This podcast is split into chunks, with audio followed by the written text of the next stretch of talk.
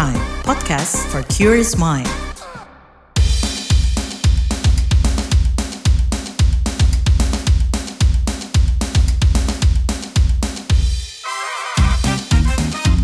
What's Trending KBR Pagi, siaran pagi radio paling update.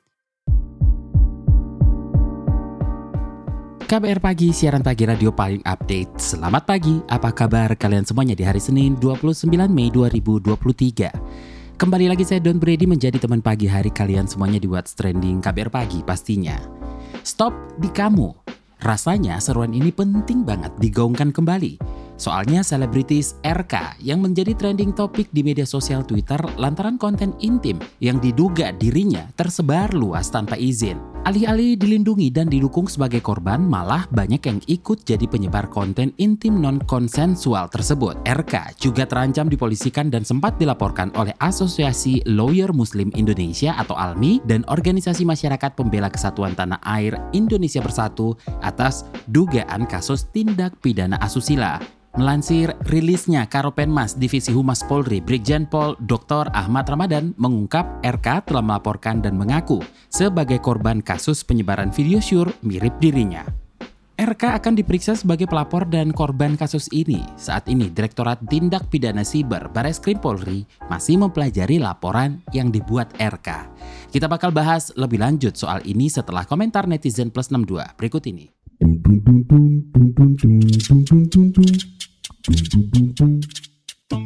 you. Pertama, at Shafi XX lagi pada mondar mandir nyari fit RK. Udah sih ah, nggak usah nyari-nyari fit kayak gitu. Kasihan privasi masing-masing aja. At Mas XX dan gilanya banyak yang mintain link RK. Sulit rasanya memutuskan lingkaran setan begini harus diubah pola pikir orang per orang bahwa yang dialami korban revenge porn ini kerugian berlapis. Rugi uang, rugi dampak psikologis, rugi stigma negatif di masyarakat. At Fake XX. Sorry banget nih, bukan yang munafik terlepas dari kesalahan RK atau bukan tapi itu video privasi orang. Diperjualbelikan gak takut karma kah?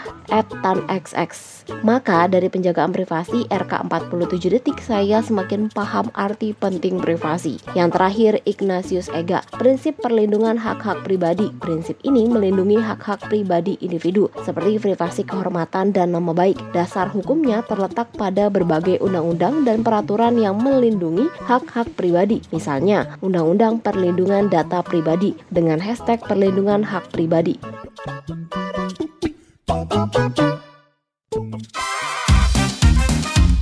What's Trending KBR Pagi, siaran pagi radio paling update. Kita lanjutkan obrolan kita pagi ini. Jadi, The Institute for Criminal Justice Reform (ICGR) menyerukan penghentian stigmatisasi dan kriminalisasi terhadap RK. ICGR menegaskan RK adalah korban yang tidak boleh dijerat pidana dengan ketentuan undang-undang pornografi. Lebih jelasnya kita tanyakan langsung ke peneliti ICGR Johanna Purba. Oke, okay, ICGR kan menyoroti uh, kasus RK dan memberi beberapa catatan uh, terkait beberapa kekeliruan dalam menyikapi kasus tersebut. Seperti apa ini? Ada beberapa hal yang kami soroti itu mungkin tiga ya utamanya. Yang pertama soal kriminalisasi, lalu labelan begitu atau narasi negatif dari masyarakat dan juga penggunaan istilah revenge porn begitu ya terkait kriminalisasi. Jadi kan memang yang kami dapat dari pemberitaan beberapa hari lalu itu ya ada beberapa pihak yang melaporkan dua orang ya dalam kasus ini. Yang pertama yang penyebar dan yang kedua RK-nya sendiri begitu ya. Kami di sini menyoroti pelaporan terhadap RK-nya ini ya, karena kami memandang RK itu dalam kasus ini posisinya itu adalah korban begitu. Kenapa? Karena kalau misalnya kita lihat itu di dalam ketentuan Undang-Undang Pornografi, memang di pasal 4 Undang-Undang Pornografi itu kan ada ditulis bahwa setiap orang yang melakukan e, beberapa perbuatan ya seperti membuat, begitu kemudian memproduksi, menyiarkan, menyebarluaskan dan perbuatan lainnya begitu ya terkait konten pornografi itu bisa dijerat dengan pidana penjara begitu. Tapi permasalahannya di sini kita harus lihat juga di penjelasan pasal 4 4 ini. Di penjelasan pasal 4-nya itu kan ada ditulis ya kalau misalnya kalau misalnya ada orang yang membuat begitu konten yang bermuatan pornografi tapi itu dibuat demi kepentingan pribadi ya, ya seharusnya dia tidak bisa dipidana begitu. Nah, tapi kan ketika misalnya dia dia sendiri melaporkan begitu kan berarti dia konten ini tersebar tanpa persetujuan dia begitu ya. Jadi dia ketika misalnya membuat ya tidak ada maksudnya dari RK ini untuk kemudian menyebarkan atau misalnya mengkomersilkan konten tersebut gitu. Dan di sini kan terlihat juga dia adalah pihak yang paling dirugikan ya dengan tersebar ya konten itu. Jadi ya kami memandangnya bahwa dia di sini posisinya adalah korban gitu. Dan selain itu uh, penggunaan istilah revenge porn ya, ini satu hal yang kami soroti juga karena penggunaan istilah revenge, porn ini uh, tidak tepat begitu ya dan sudah banyak uh, pihak yang menjelaskan begitu. Uh, namun sayangnya di beberapa media masih digunakan istilah revenge porn. Kenapa kami bilang tidak tepat ya karena revenge porn kan kalau misalnya di translasikan ke bahasa Indonesia gitu ya dengan ya apa adanya begitu itu kan bisa dibilang sebagai ya pornografi berdasarkan balas dendam gitu ya. Padahal kan ini membuat istilahnya itu menjadi rancu begitu. Padahal kan tidak selalu penyebaran konten konten pribadi tanpa persetujuan ini uh, dilakukan dengan alasan balas dendam gitu. Kesannya uh, bahwa si orang yang kontennya disebarkan ini uh, melakukan suatu perbuatan yang salah, lalu kemudian dia mendapatkan dalam tanda kutip ganjaran begitu ya dengan penyebaran kontennya itu. Nah, pentingnya memberikan pemahaman yang benar kepada masyarakat dalam memandang kasus seperti ini Uh, ini penting sekali ya karena uh, di era digital ini ketika suatu konten itu sudah tersebar itu kan sangat cepat ya tersebarnya dan akan menyebar ke banyak sekali orang gitu ya. Maksudnya era digital ini membuat sudah tidak ada batasan lagi gitu kan, tidak ada batasan wilayah, tidak ada batasan negara gitu. Orang di luar sana mungkin bisa dapat dan bisa melihat konten tentang RK ini begitu ya di luar negeri maksudnya. Ya maksudnya di masyarakat itu yang kami sayangkan itu adalah ketika video ini kemudian tersebar banyak orang yang malah uh, menyebarkan ulang begitu ya uh, videonya ya walaupun ada yang di blur lah atau kemudian ada juga yang menyebarkannya via link tapi itu kan tetap ya memperbanyak penyebaran dari video ini ya. Belum juga komen-komen negatif yang kemudian menyudutkan RK selaku korban di sini begitu ya. Ini sangat kami sayangkan karena seharusnya korban itu korban yang sekarang dalam kondisi yang rentan begitu ya. Mereka seharusnya mendapatkan uh, dukungan dari masyarakat gitu untuk diproses kasusnya secara adil begitu ya. Kami khawatir dengan adanya stigma negatif dari masyarakat ini nanti uh, RK justru terdamp semakin terdampak begitu psikologisnya dalam pemrosesan kasusnya dampak bagi korban jika masih adanya stigmatisasi dan kriminalisasi? Dampak ya kepada korban itu sangat masif ya. Dampak ke psikis, yang kemudian juga berujung ke dampak fisik begitu ya. Pasti ketika misalnya kita menjadi korban gitu, terus uh, ketika seorang menjadi korban dari uh, penyebaran konten seksual pribadi ini, dia kan mengalami ya depresi begitu ya kemudian itu juga berdampak ke fisiknya lalu juga tentu ke sosial ya pertemanan gitu pergaulan dan kita tidak bisa menjamin ya ketika misalnya nanti konten ini sudah di take down begitu ada kemungkinan di masa depan ada orang yang menyimpan lalu kemudian menyebarkan lagi. Itu sebenarnya sangat menakutkan ya dari penyebaran ini gitu. Jadi korban itu ada kemungkinan dia akan dihantui begitu ya dengan pemikiran bahwa uh, suatu hari nanti ada orang yang uh, mengenal dia gitu atau melihat dia dari konten tersebut dan dia temui di kehidupan nyata begitu. Selain itu juga tentunya berdampak ke pekerjaan ya atau aspek ekonomi dari korban gitu ya. Karena ya terutama orang-orang yang bekerja dekat dengan media sosial ya seperti RK ini kan dia bekerja di dunia entertainment begitu dan dekat sekali dengan pemberitaan begitu ya. Ini tentunya kan dia bergantung juga ke image begitu ya, ke nama baiknya begitu dan ini tentu akan berdampak ya ke pekerjaan dia nantinya kalau misalnya tidak diselesaikan dengan baik. Desakan ICGR Iya Kak, yang pertama ya tentu kita mendesak supaya pihak kepolisian tidak merespon pelaporan atas RK ini ya. Seperti tadi yang kami harapkan sih pihak APH ini lebih berfokus kepada ke pihak yang memang dengan maksud menyebarkan konten RK ini begitu. Karena itulah pelaku sesungguhnya sih menurut kami begitu. Lalu selain itu juga tadi itu karena RK ini adalah posisinya adalah kami pandang sebagai korban ya. Penyebaran konten uh, seksual tanpa persetujuan ini juga kami pandang sebagai bentuk kekerasan seksual, maka kami berharap sih RK ini bisa mendapatkan pemenuhan haknya ya sebagai korban kekerasan seksual, termasuk juga penghapusan konten yang ini sudah ada di dalam Undang-Undang TPKS juga diatur. Selain itu juga kami berharap sih ada edukasi terhadap masyarakat ya untuk menghentikan kriminalisasi dan pelabelan negatif gitu terhadap uh, RK dan juga korban kekerasan seksual lainnya. Dan satu lagi sih Kak, Eh, salah satu yang bermasalah dari kasus ini itu adalah dari uh, undang-undangnya yang bermasalah juga gitu ya. Kenapa RK kemudian dilaporkan dengan undang-undang ITE dengan undang-undang pornografi ya karena undang-undang itu juga tidak dipungkiri uh, memiliki masalah begitu. Walaupun uh, undang-undang pornografi ada pengecualian begitu ya, lalu kemudian undang-undang ITE ada SKB yang mengacu ke undang-undang pornografi dan KUHP, tapi kan sebenarnya permasalahannya itu adalah di unsur pasal pornografi ini yang juga bermasalah ya sangat luas gitu ditafsirkan sehingga sifatnya jadi karet gitu. Newsbeat. Sebuah studi dari National Institute for Environmental Study Jepang menunjukkan warna baju seseorang mampu mempengaruhi kondisi tubuh di tengah cuaca panas. Hal ini membuktikan tak hanya ketebalan baju yang perlu diperhatikan. Hasil penelitian ini menunjukkan warna putih memiliki suhu yang lebih rendah dibandingkan warna hitam atau warna lainnya. Setelah putih, beberapa warna yang mampu menjaga suhu tubuh kala panas melanda adalah kuning, abu-abu, dan merah. Sementara warna ungu ada di tengah-tengah dan di Indonesia sendiri pada 15 November 2023. Jelang ibadah haji, Kementerian Haji dan Umroh Arab Saudi mengeluarkan sejumlah peraturan. Pemerintah Arab Saudi meminta calon jemaah haji tidak membawa sejumlah barang berharga dan uang tunai dalam jumlah besar. Dalam media sosial Twitter, Kementerian Haji dan Umroh meminta para tamu Allah menghindari pembawaan uang tunai saat pergi ke kerajaan. Tak hanya dilarang, jemaah haji juga diminta melaporkan pembawaan barang atau uang di atas 60 ribu rial. Imbauan ini dianggap penting sebab ada orang-orang yang membawa emas batangan senilai 240 juta rupiah hingga barang-barang lainnya. Jemaah juga diminta mengikuti aturan ini agar lebih cepat dan mudah proses ibadahnya.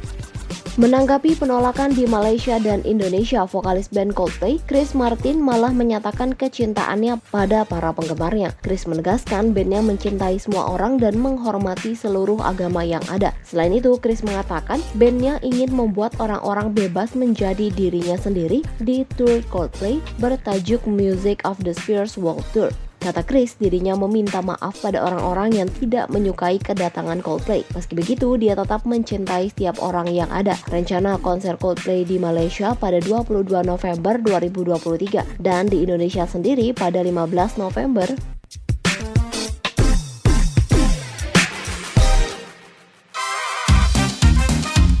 What's Trending KPR Pagi, siaran pagi radio paling update.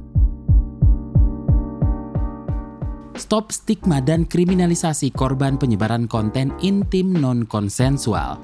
Itu yang kita obrolin pagi ini. Nah, sementara itu, Lintas Feminis Jakarta mengungkapkan pentingnya pendekatan yang adil dan bijaksana dalam penanganan kasus penyebaran konten intim non-konsensual, lantaran sang korban harus mendapatkan perlindungan dan dukungan. Menurut Lintas Feminis Jakarta, pelakulah yang seharusnya bertanggung jawab atas penyebaran konten intim non-konsensual tersebut. Soal ini kita obrolkan lebih lanjut bareng Direktur Lintas Feminis Jakarta, Anindya Nastiti Restuviani, atau kerap disapa Vivi.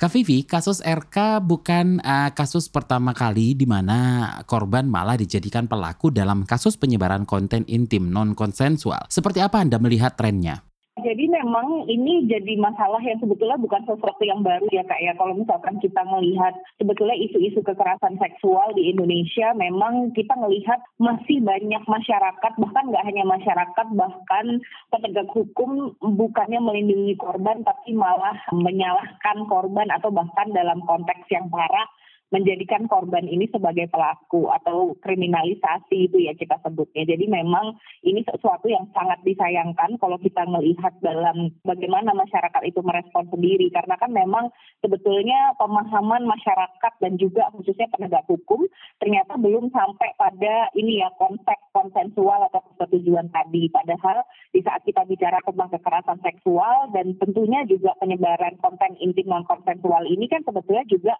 masuk dalam kategori kekerasan seksual. Apalagi sekarang dengan adanya undang-undang tindak pidana kekerasan seksual, kan sudah ada tuh jenis kekerasan seksual berbasis uh, elektronik, di mana sebetulnya uh, eh, NCII ini atau konten intim, uh, penyebaran konten intim uh, tanpa persetujuan atau non konsensual ini kan sebetulnya masuk dalam kategori itu.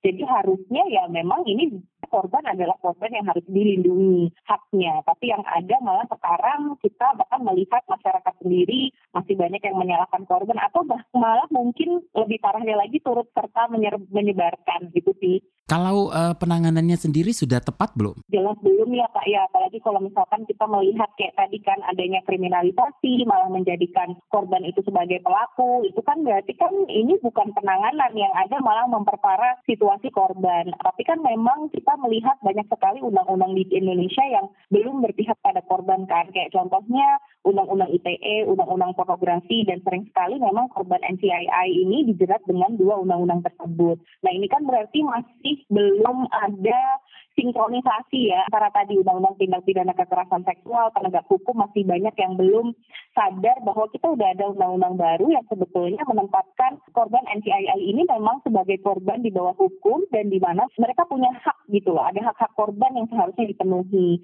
Tapi sayangnya ya tadi karena implementasi maksudnya apa ya kayak aturan implementasi sendiri aja belum belum selesai gitu kan dibuat sama pemerintah. Jadi maka dari itu sulit. Kita sekarang kalau misalkan mau menangani kasus tersebut sebetulnya ya harusnya penegak hukum udah bisa pakai UU TPKS. Tapi ternyata ya sayangnya ini belum tersampaikan gitu kan banyak dari penegak hukum sendiri yang masih belum uh, melihat konteks undang-undang TPKS itu bisa digunakan untuk melindungi korban itu sih. Nah, bagaimana perlindungan yang mestinya diberikan kepada korban?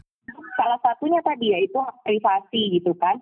Kayak penyebaran konten intim non konsensual sendiri kan ini kan adalah sesuatu yang sudah sangat melanggar privasi. Kontennya disebarkan mungkin pertama bisa jadi direkam itu tanpa persetujuan dia. Itu kan juga ada tuh yang model konten intim seperti itu. Even if kalau walaupun misalkan waktu merekam, waktu mengambil gambar itu dengan persetujuan dia, tapi kan mengirimkan ke khalayak umum itu kan tanpa persetujuan dia. Nah ini kan berarti kan harusnya kalau kita melihat konteks seperti ini kan ada hak pribadi yang dilanggar. Jadi setidaknya perlindungan-perlindungan yang yang diberikan kepada mereka yaitu pertama tadi ya mengembalikan hak pribadi mereka. Di saat kita melihat ada apa namanya konten yang misalkan kayak tadi tiba-tiba ada disebarkan ya berhentilah di kita jangan disebarkan lagi gitu kan. Karena itu akhirnya makin melanggar hak privasi dari korban itu sendiri. Kedua tentunya hak-hak seperti dalam konteks pemulihan secara mental gitu kan.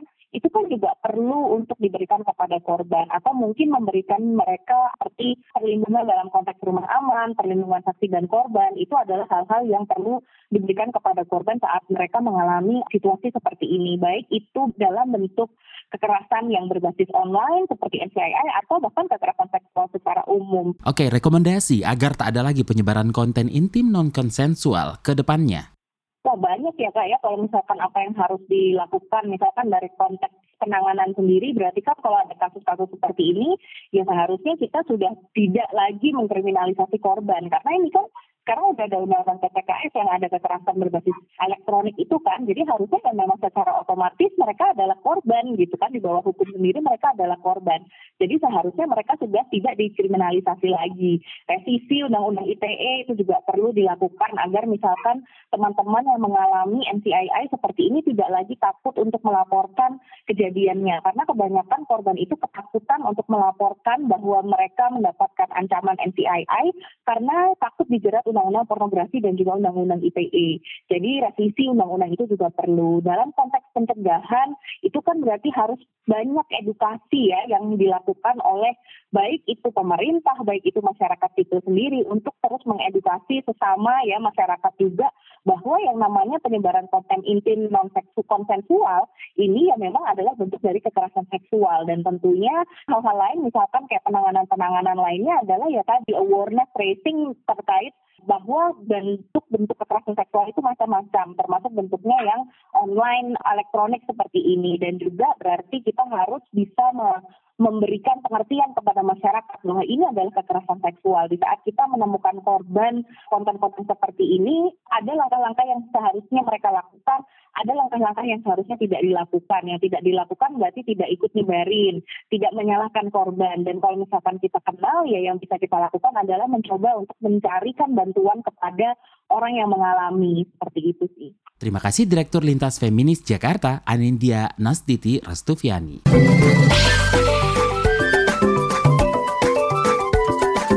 WhatsApp Indonesia.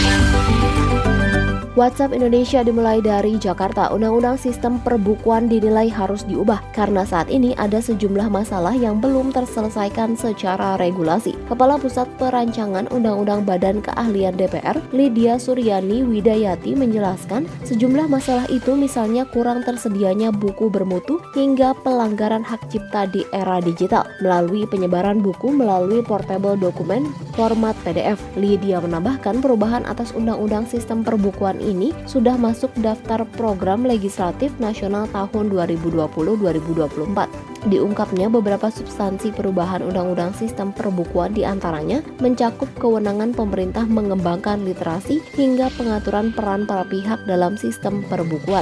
Selanjutnya menuju Solo, Jawa Tengah. Rektor Universitas 11 Maret UNS Solo Jamal Wiwoho menyebut pemanggilan dosen FKIP yang diduga pelaku KDRT pada istrinya untuk mengklarifikasi kasus yang sempat diunggah anak dosen tersebut di media sosial. Menurut Jamal, UNS akan menginvestigasi kasus tersebut secara utuh. Kata Jamal, pihaknya tidak mentolerir jika ada KDRT. Jamal juga menghormati langkah keluarga yang sempat melaporkan kasus tersebut ke Polres Polresta Solo. Namun selang beberapa waktu laporan tersebut dicabut.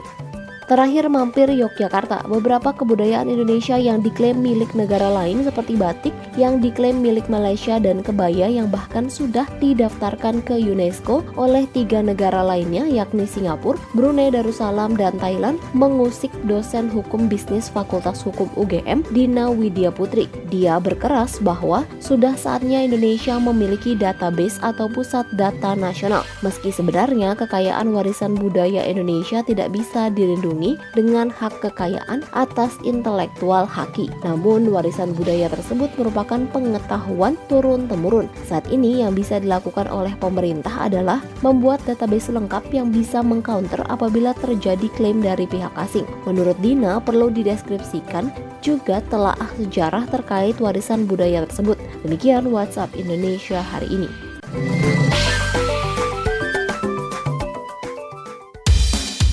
Terima kasih sudah mendengarkan What's Trending KBR Pagi. Jangan lupa tetap dengarkan podcast What's Trending di kbrprime.id dan di aplikasi mendengarkan podcast lainnya. Don't Brady pamit. Besok kita ketemu lagi. Stay safe. Bye-bye. What's Trending KBR Pagi. Siaran pagi radio paling update.